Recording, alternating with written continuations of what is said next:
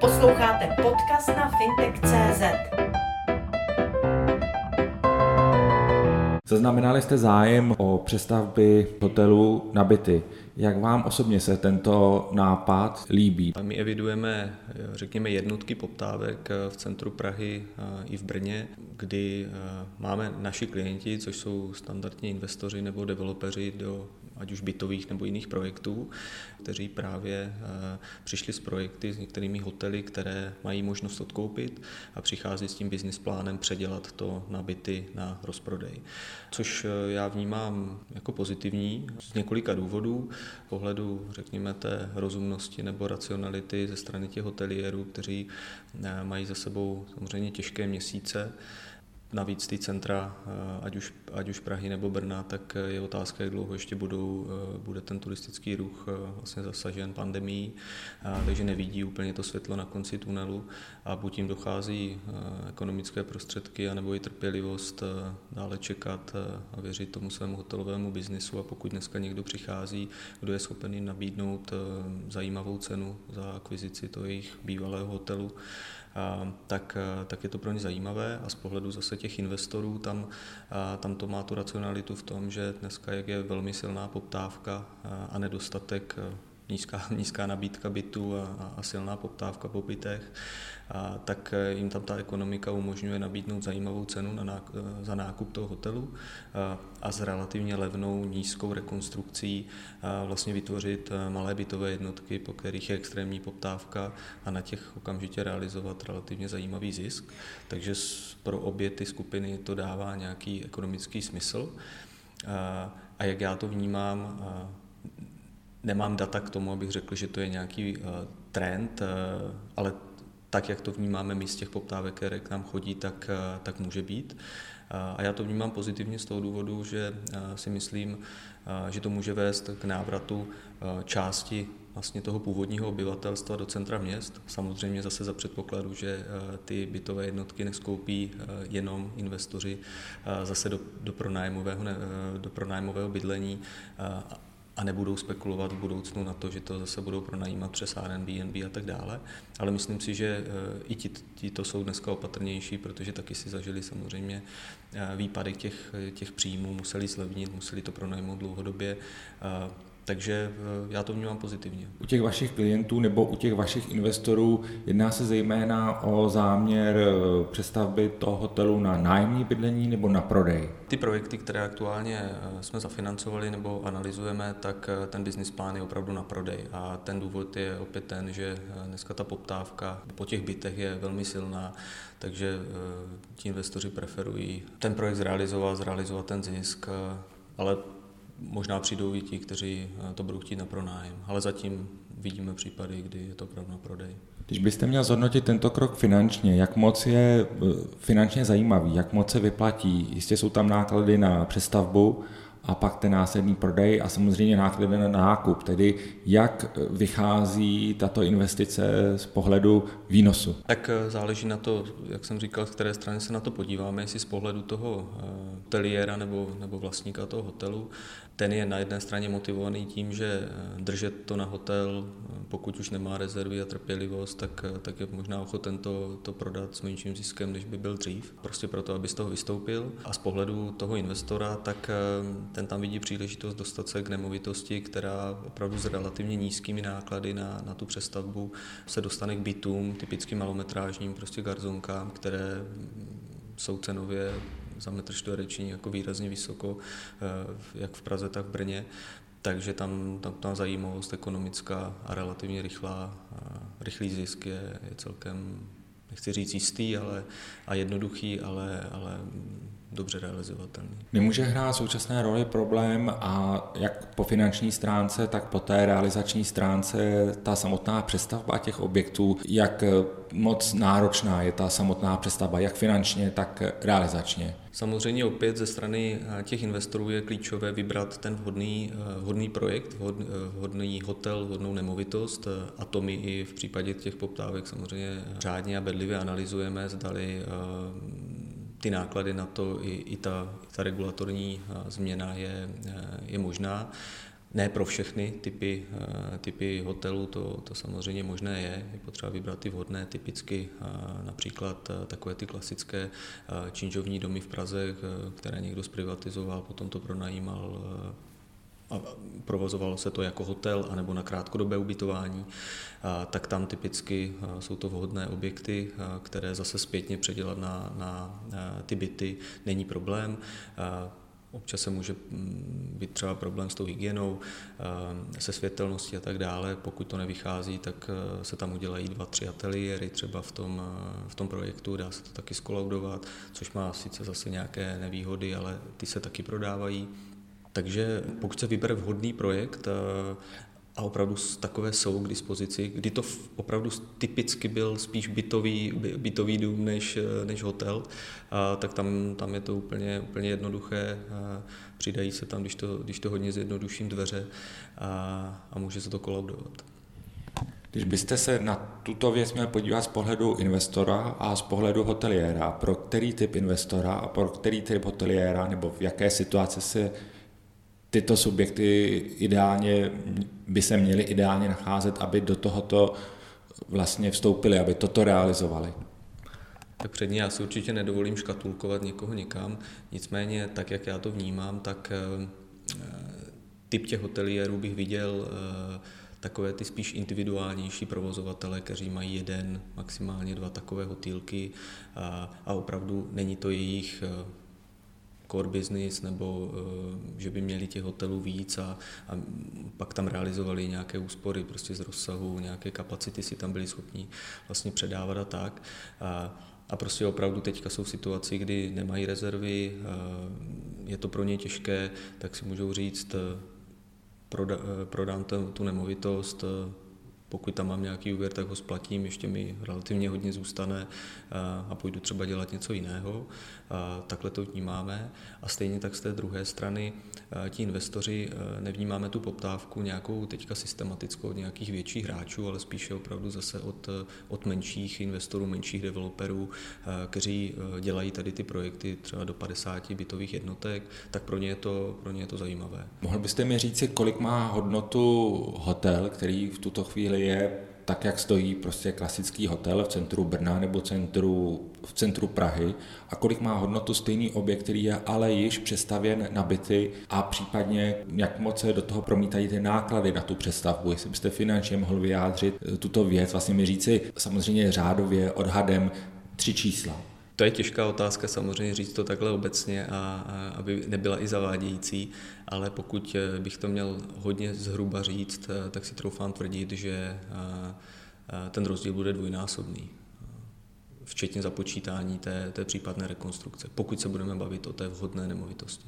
Samozřejmě i tak, jak si to, pokud se ten trend bude zvětšovat, tak si to stejně tak budou uvědomovat možná i ti, i ti hoteliéři, pokud těch investorů bude víc, tak eh, to zase potlač, potlačí tu cenu nahoru eh, těch, co budou ochotní prodávat a těm developerům se to pořád bude vyplácet. Takže si myslím, že ta potenciální marže se tam pro ně bude snižovat, ale pořád to ještě bude dávat smysl. A, takže vždycky ti, co přijdou jako první, tak s tím nápadem a, a podaří se jim nějaký ten projekt najít, nebo i najít někoho v těch, řekněme, obtížích, a, tak samozřejmě tu pozici mají, mají lepší. Nemůže být tento krok pro ty hoteliéry trošičku rizikem v tom smyslu, že vlastně zruší svůj, svůj biznis a ta situace se třeba v dohledné době obrátí přece jenom v jejich prospěch? Ti, co jsou tělemi duší hoteliéři, tak se toho biznisu nevzdají asi ani po tom roce a půl ale eh, pak je tam ta okrajová, nebo těch, já nevím, kolik jich může být procent, 10, 20, 30 procent možná, kteří o tom prostě budou uvažovat, protože to dělají jako biznis, eh, dneska jim nefunguje, nemají úplně jasnou predikci toho, jak to bude eh, v jakém čase se, se ta situace vrátí, stabilizuje a tak dále, a jaký bude tlak na ceny vlastně ubytování, jaká bude poptávka. A já to vidím spíš, že prostě pokud se turisté nevrátí v horizontu dvou, tří let tak masivně, jak to bylo před covidem, tak samozřejmě těch ubytovacích kapacit bude hodně, a určitě v Praze ano. A, a zase výhodou budou mít eh, ti větší hráči, kteří budou schopní eh, prostě nabídnout nižší ceny, realizovat úspory z rozsahu, problém se zaměstnancem a tak dále, takže eh, když si tam zakalkulujete tohle všechno, tak si dovedu představit, že někteří tady z těch menších hráčů se toho prostě raději zbaví, protože realizují peníze hnedka, budou mít klid, můžou dělat něco jiného. Naopak spíš si myslím, že pořád jsou ty rizika nejistoty, jak se bude ten hotelový trh v, cent, v těch centrech vyvíjet eh, po nějakou dobu prostě je větší než, než to, že možná přijdou o část toho zisku. Hovoříme zde o centrech měst. Máte za to, že tento model by mohl se uplatnit i v regionech? Tak zatím v bance to nevidíme, že bychom takové poptávky měli. Můj osobní názor je ten, že to může být vhodné právě i třeba pro, pro ty horské, turistické lokality, typicky u nás horské, kde je poptávka zase i po covidu ze strany individuálních investorů si pořizovat ať už třeba apartmán nebo, nebo druhý byt na horách. Takže tam to může taky dávat smysl. Na druhou stranu si myslím, že tam, tam ta ekonomika těch hotelů je výrazně lepší a bude výrazně lepší. Myslím si, že už léto bude zase naprosto v pořádku. Pokud se na podzim ekonomika zase nezavře kvůli covidu, tak hory, hory pojedou perfektně. Takže tam, tam si myslím, že e, ta relativní nebo ta, e, ta obětovaná příležitost těch hoteliérů je mnohem větší. Poptávka je tam taky e, po těch bytech, takže si myslím, že tam není ten prostor pro, eh, pro tu realizaci tak velký, jako dneska, dneska třeba v tom centru, centru Prahy. Samozřejmě i investoři, kteří se rozhodnou pro tuto investici, nesou určitá rizika, která to jsou a jak by se jim měli případně vyvarovat. Podle mě ty klíčové rizika se dají eliminovat už na tom vstupu právě kvalitním výběrem a analýzou toho, té příležitosti, toho, té konkrétní nemovitosti. Pokud to financují nebo poptávají financování v bance, tak ta samozřejmě jim nepomůže, ale, ale minimálně jako dvakrát si zkontroluje, zda ten projekt je proto vhodný, alespoň my to tak děláme. A na co je potřeba se zaměřit, tak, tak určitě, jestli je to v souladu s, s územním plánem, jestli ty, eh, ta stavební, eh, to stavební provedení vlastně je, eh, umožňuje právě relativně jednoduché předělání na ty kolaudovatelné bytové jednotky, případně ty ateliéry, což se dá na začátku relativně jednoduše vyhodnotit. A pak jsou samozřejmě ještě jednodušší, jednodušší případy, které jsme taky měli, kdy On to vlastně je bytový dům, jenom před eh, covidem eh, ho ti vlastníci využívali ne třeba rovnou na hotel, ale jenom na mm, krátkodobé ubytování typu Airbnb, kde prostě ten výnos byl větší a teď jim to nedává smysl, nechtějí to pronajímat dlouhodobě za, za tržní nájem, právě i proto, že ty ceny prodejní za metr čtvereční jsou vysoké, tak se jim vyplatí to, to rozprodat. A tam je to úplně jednoduché, protože to nevyžaduje téměř žádné úpravy. Maximálně pokud chcou třeba zvětšit, e, zvětšit nebo udělat nějaké větší 2KK jednotky, tak e, dva pokoje propojí nebo něco takového, ale tam je to úplně jednoduché. Takže za mě doporučení určitě analýza na tom vstupu, jak při výběru toho projektu, tak eh, potom při analýze těch, eh, těch fakt. A to se dá prostě, a ti investoři, kteří eh, do toho vstupují, tak samozřejmě to know-how mají a případně nebo standardně pak využívají i banku.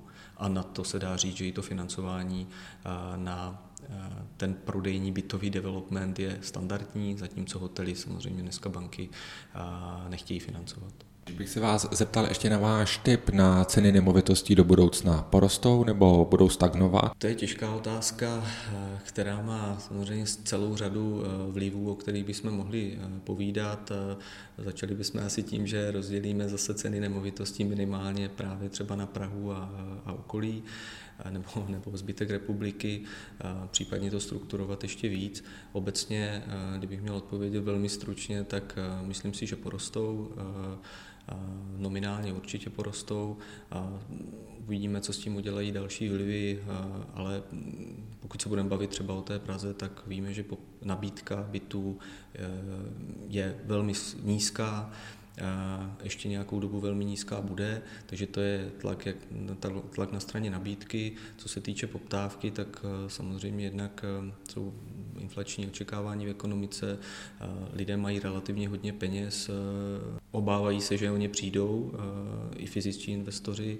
Hodně z nich to řeší tím, že kupují jeden druhý byt, levné ceny financování ze strany hypoték, takže to všechno vede k tomu, že prostě ta poptávka po těch nákupech, ať už investičních bytů, anebo bytů ze strany opravdu třeba bohatších lidí, kteří se spíš bojí o to, aby o ty peníze nepřišli a uloží, chtějí je uložit do cihel, tak ten byt koupí i s očekáváním toho, že ten výnos třeba eh, z nájmu je procentně velmi nízký, eh, ale dívají se na to přes tu, eh, přes tu jistotu toho, nebo svoji jistotu toho, že, že to mají v cihlách a ne, ne, ne, ne v penězích, které samozřejmě inflací a, a tím, jak objem, objem peněz v ekonomice neustále jako přibývá, narůstá, ty se samozřejmě odráží, byť inflace je pořád relativně nízká, ale eh, to je dané tím, že eh, ten spotřebitelský koš samozřejmě nezahrnuje i třeba ceny nemovitostí a tak dále, takže vidíme tu inflaci na, na těch investičních aktivech. Eh, takže tím chci říct, že nabídka stále nízká, poptávka stále silná a více říká, že ceny nemovitostí jsou, jsou předražené, nebo eh, nadsazené, což eh, určitě v některých případech tak je. Na druhou stranu pořád jsou eh, lidé ochotní kupovat a vidíme to i u našich projektů, které financujeme developerům, kdy prostě ten trend je takový, že my si ten projekt na začátku nějak zanalizujeme, a v průběhu toho projektu dochází, několikrát se přeceňují ty prodejní ceny, že developeři opravdu začnou stavět a po měsíci zdražují, po dalším měsíci zdražují a ti lidi to kupují. A což taky vede třeba z pohledu financování takové zajímavé změně. My se snažíme u dobrých projektů financovat i bez předprodejů, což eh, určitě nedělají všechny banky, developeři to vítají. A a má to ten smysl v tom, že pokud banka chce předprodej pro, eh, po těch developerech, tak oni musí prodávat nebo začít prodávat ten projekt ještě v době, kdy, jak se říká, nekopli do země, což samozřejmě velkou většinu těch investorů odradí nebo kupujících, zatímco když už ten projekt eh, se začne realizovat, banka ho zafinancuje bez předprodejů takzvaných, tak eh, okamžitě už na těch prvních jednotkách ti developeři jsou schopní realizovat vyšší cenu třeba o 10-15%, a pak zase, když vidí, že ten projekt jede, má vyprodaných 50%, tak jsou schopni zase zdražit a lidé to opravdu kupují. A nezřídka i vidíme, kdy se začíná kopat a ten projekt je třeba z 50, z 80% vyprodaný, což je neuvěřitelné. Sledujte fintech.cz